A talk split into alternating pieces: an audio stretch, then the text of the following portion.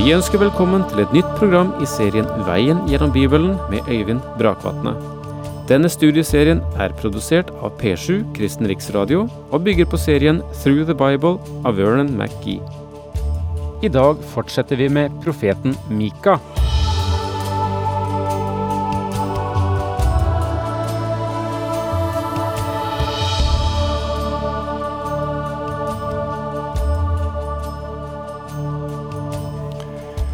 Byene har en spesiell posisjon i uh, Mikas profetier. Og Det er særlig storbyene Jerusalem og Samaria. Og det skyldes uh, at uh, byene I byene, der samles administrasjonen. Der samles eliten av mennesker som tilhører et folk, og som er leder i et folk. Og Derfor har det vært slik, og er slik fremdeles, at i en del storbyer, der er det trendene lages for det som senere ble aktuelt over landet. Og det var slik i Jerusalem og Samaria også. De var, for å bruke et moderne uttrykk, de var trendsettere for det som senere skulle gjennomsyre nasjonen. Og de trender, eller de retninger, den linjen som løp ut fra Samaria og fra Jerusalem eh, til folket, var ikke god. De satte trender. De la grunnlag for tendenser som førte dette folket bort fra Gud, og førte til at de senere ble satt i fangenskap og fikk eh, mange vonde år. Det er dette Mika tar opp i eh, sin bok, og forteller hvordan retten vries, og urett blir rett, og rett blir urett. Og i en slik situasjon der der er så total forvirring mellom rett og urett, og lederne ikke vil lytte, der sier eh, Mika følgende. Og Nå går vi inn igjen i teksten som vi også leste sist, før vi har sluttet Mika 3, vers 4. Når de så roper til Herren, og dette går på lederne, svarer han dem ikke, da skjuler han ansiktet for dem fordi de har gjort ondt. Nå må vi være klar over, det var ikke bare fordi de hadde gjort ondt i fortiden, men fordi at de ikke ville vende om fra sin ondskap. Disse lederne vil rope til Gud, og det er eh, aktuelt eh, og interessant ut ifra dette verset her. Men eh, i denne krisen når de vil rope til Gud, vil Gud ikke høre, fordi de er egentlig ikke interessert i å endre sin vei. De er bare interessert i å komme ut av en knipe. Altså, her er ingen anger, her er bare bondeanger. Gud blir ikke nevnt så forferdelig mye i dag, utenom det at hans navn tas forfengelig. Men nå og da blir han altså nevnt.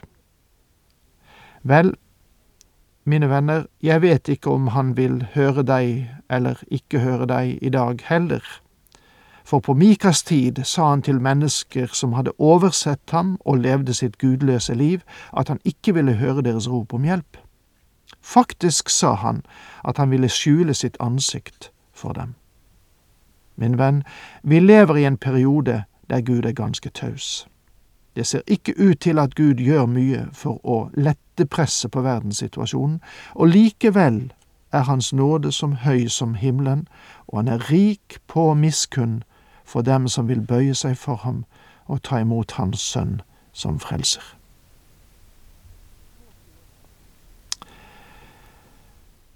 Så sier Herren, og nå vender Mika seg til en ny gruppe innenfor lederskap i folket. Så sier Herren om de profeter som fører mitt folk på villspor, som forkynner fred og lykke, bare de får noe tygge på, men lyser hellig krig mot dem som ikke gir dem munnen full.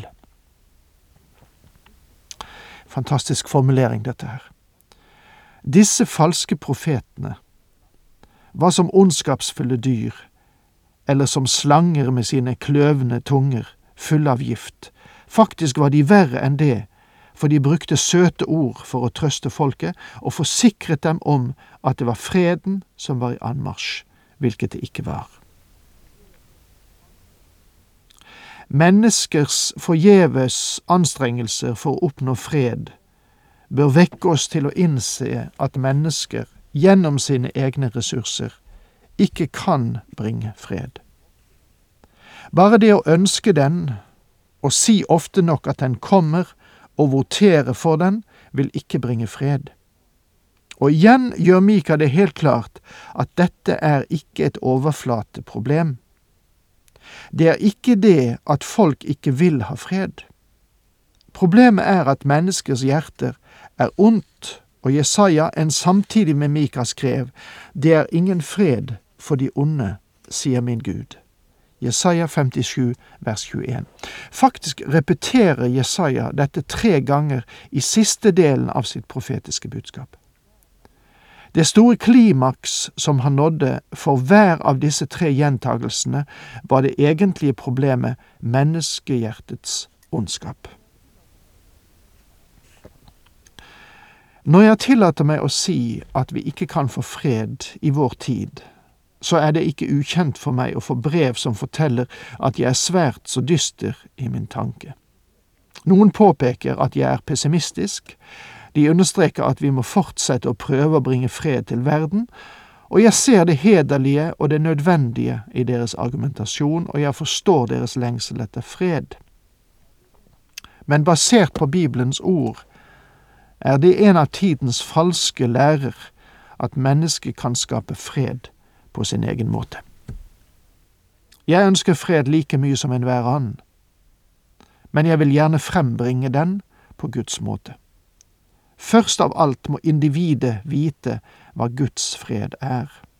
Hvordan skal vi kjenne den? Da vi altså er blitt rettferdige ved tro, har vi fred med Gud ved vår Herre Jesus Kristus, skriver Paulus i Romane 5, vers 1.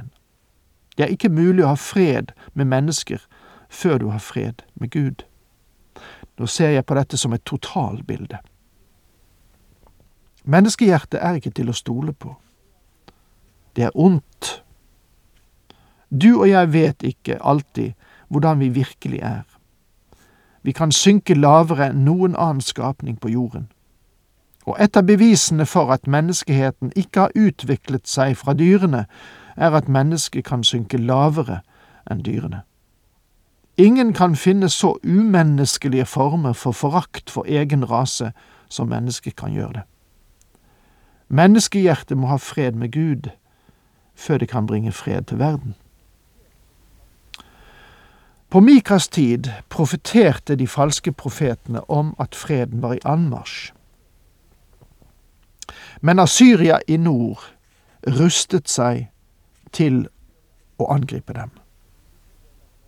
I vår tid gjøres det veldige anstrengelser i visse deler av verden for å få mennesker til å sette seg ned og drøfte fred rundt et bord, og gjennom det overvinne forskjellene seg imellom uten krig.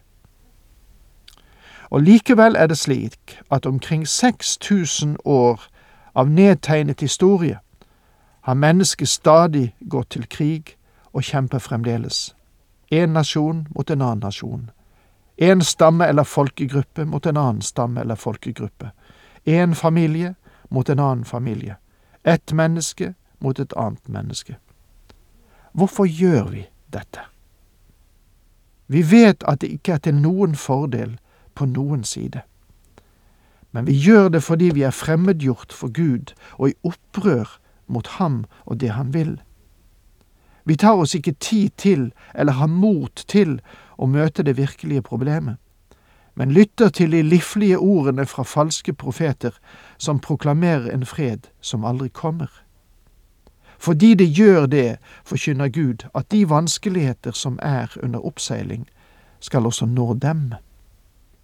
Derfor skal det komme over dere en natt uten syner og mørke uten spådom. Solen skal synke for profetene, og dagen blir mørk omkring dem. Derfor skal det komme over dere en natt uten syner. Som vi har sett i de andre profetbøkene, taler mørket alltid om dom. Det taler om dom på to forskjellige måter.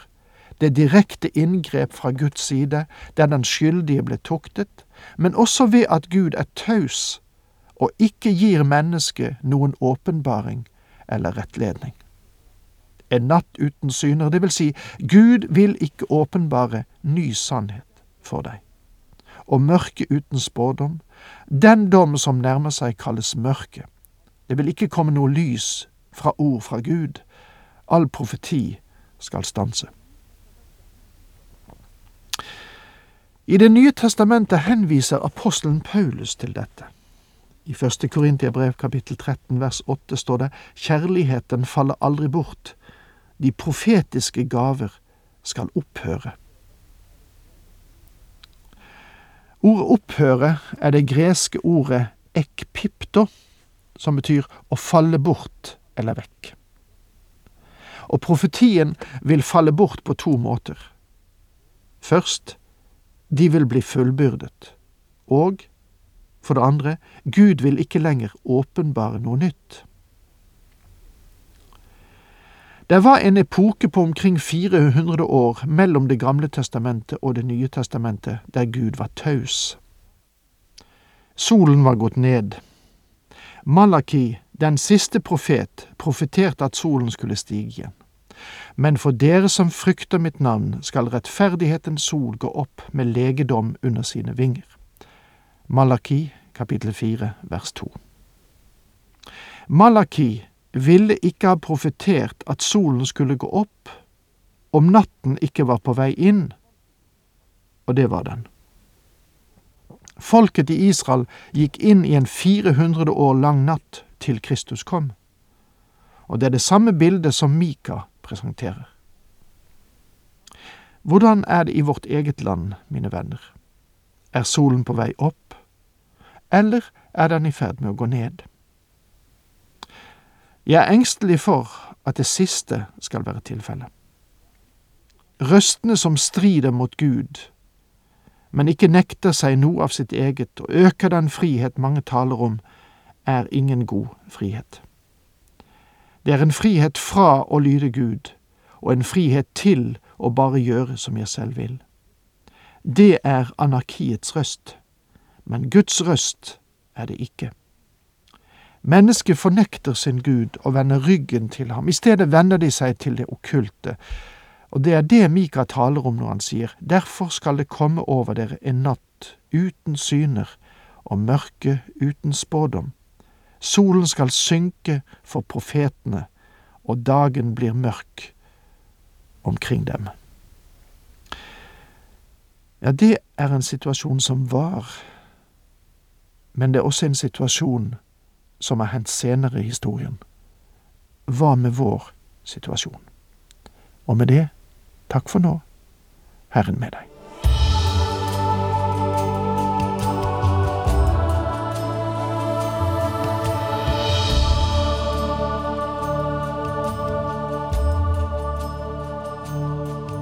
Du hørte Øyvind Brakvatne i studieserien Veien gjennom Bibelen. Serien bygger på et manus av Vern McGee.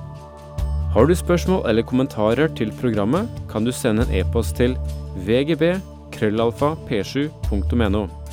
Takk for i dag, og på gjenhør.